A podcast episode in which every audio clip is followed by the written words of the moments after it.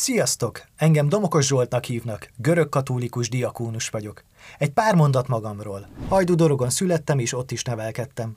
A hitemnek az adott nagy lökést, hogy az ottani görög-katolikus gimnáziumba jelentkeztem. Természetesen eleinte, mint minden tinédzser, én is provokáltam a papokat mindenféle kérdésekkel, de állták a sarat, és egyre hitelesebb válaszokat kaptam, amik elindítottak nem csak a hit, hanem a görög-katolikus egyház irányába is.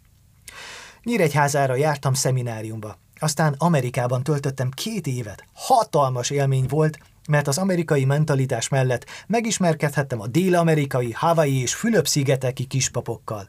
Jelenleg lelki gondozói szakra járok a Sotira. Nagy filmrajongó vagyok, és szeretek motorozni. Hogy miért is vagyok itt? Mert szeretek közösen gondolkodni másokkal az élet nagy kérdéseiről.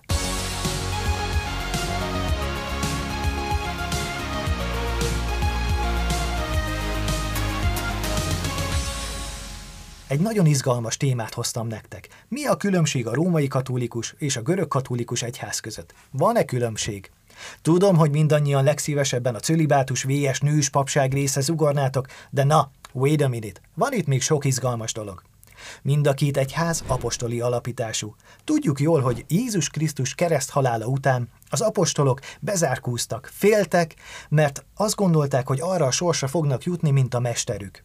De miután Jézus Krisztus föltámadt, megerősítette őket, elküldte nekik a szent lelket, onnantól kezdve megállíthatatlanokká váltak. Gondolj bele, Pál egy rakatországot meglátogatott, Szent Tamás apostol pedig egészen Indiáig jutott el. Jogos a kérdés, hogy oké, okay, elstoppoltak odáig az akkori Uber segítségével, de hogy hirdették az igét?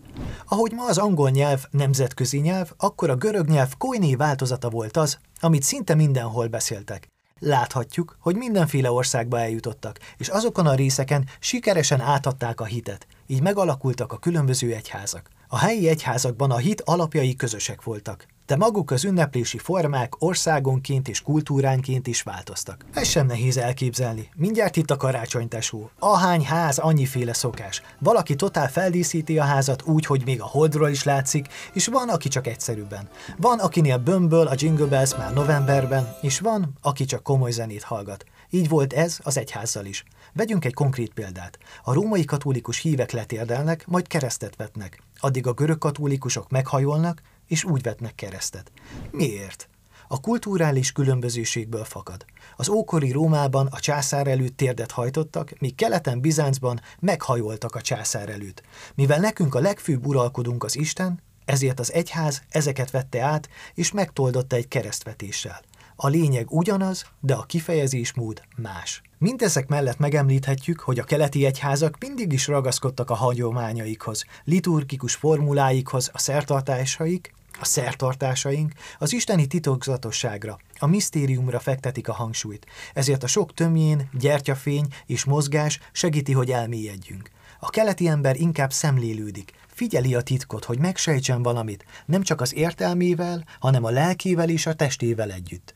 Beza a testével együtt. Ezért van az, hogy a görög katolikus egyházban egy 18 perces szertartás alatt 6477-szer vettünk keresztet.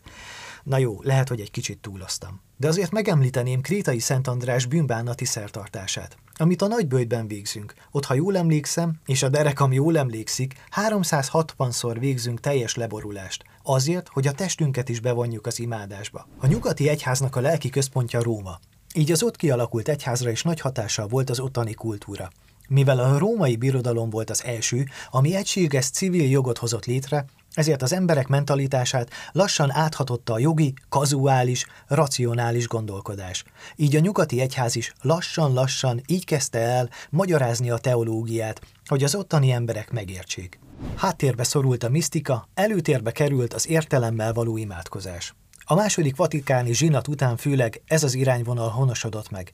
Persze a történelemben mindezeket megélni nem volt olyan könnyű. A nyelvi különbözőségek sokszor gátat vetettek annak, hogy az egyházak a hittestvért meglássák egymásban. De a lényeg, hogy a hitünkben és a szentségi felfogásunkban alapvetően nincs különbség, csupán hangsúlyeltolódások vannak. Tudom, hogy azt várjátok, hogy ezt fejtsem ki bővebben, de ez egy 10x perces műsor, nem fér bele minden. Ja igen, a cölibátus és a nőspapság. A keleti egyházakban már kezdettől fogva lehetséges volt, hogy nős embereket pappá szenteljenek. Gyér egyháztörténeti tudásom szerint ez bizony így volt a latin egyházban is. Hogy alakult ki mégis a különbség? Mind a két egyházban erős volt a szerzetesi életmód ideájának a képe. De a latin egyházon nagyot lendített ebbe az irányba az a történelmi mozzanat, hogy különböző barbár csoportok betörtek a római birodalomba.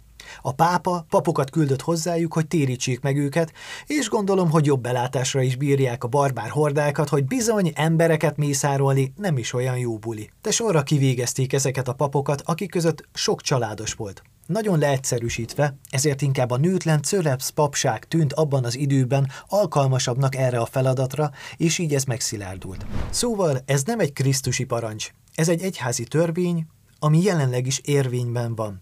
Srácok, ez egy durva leegyszerűsítés, de én egyszerűen így tudnám megfogalmazni.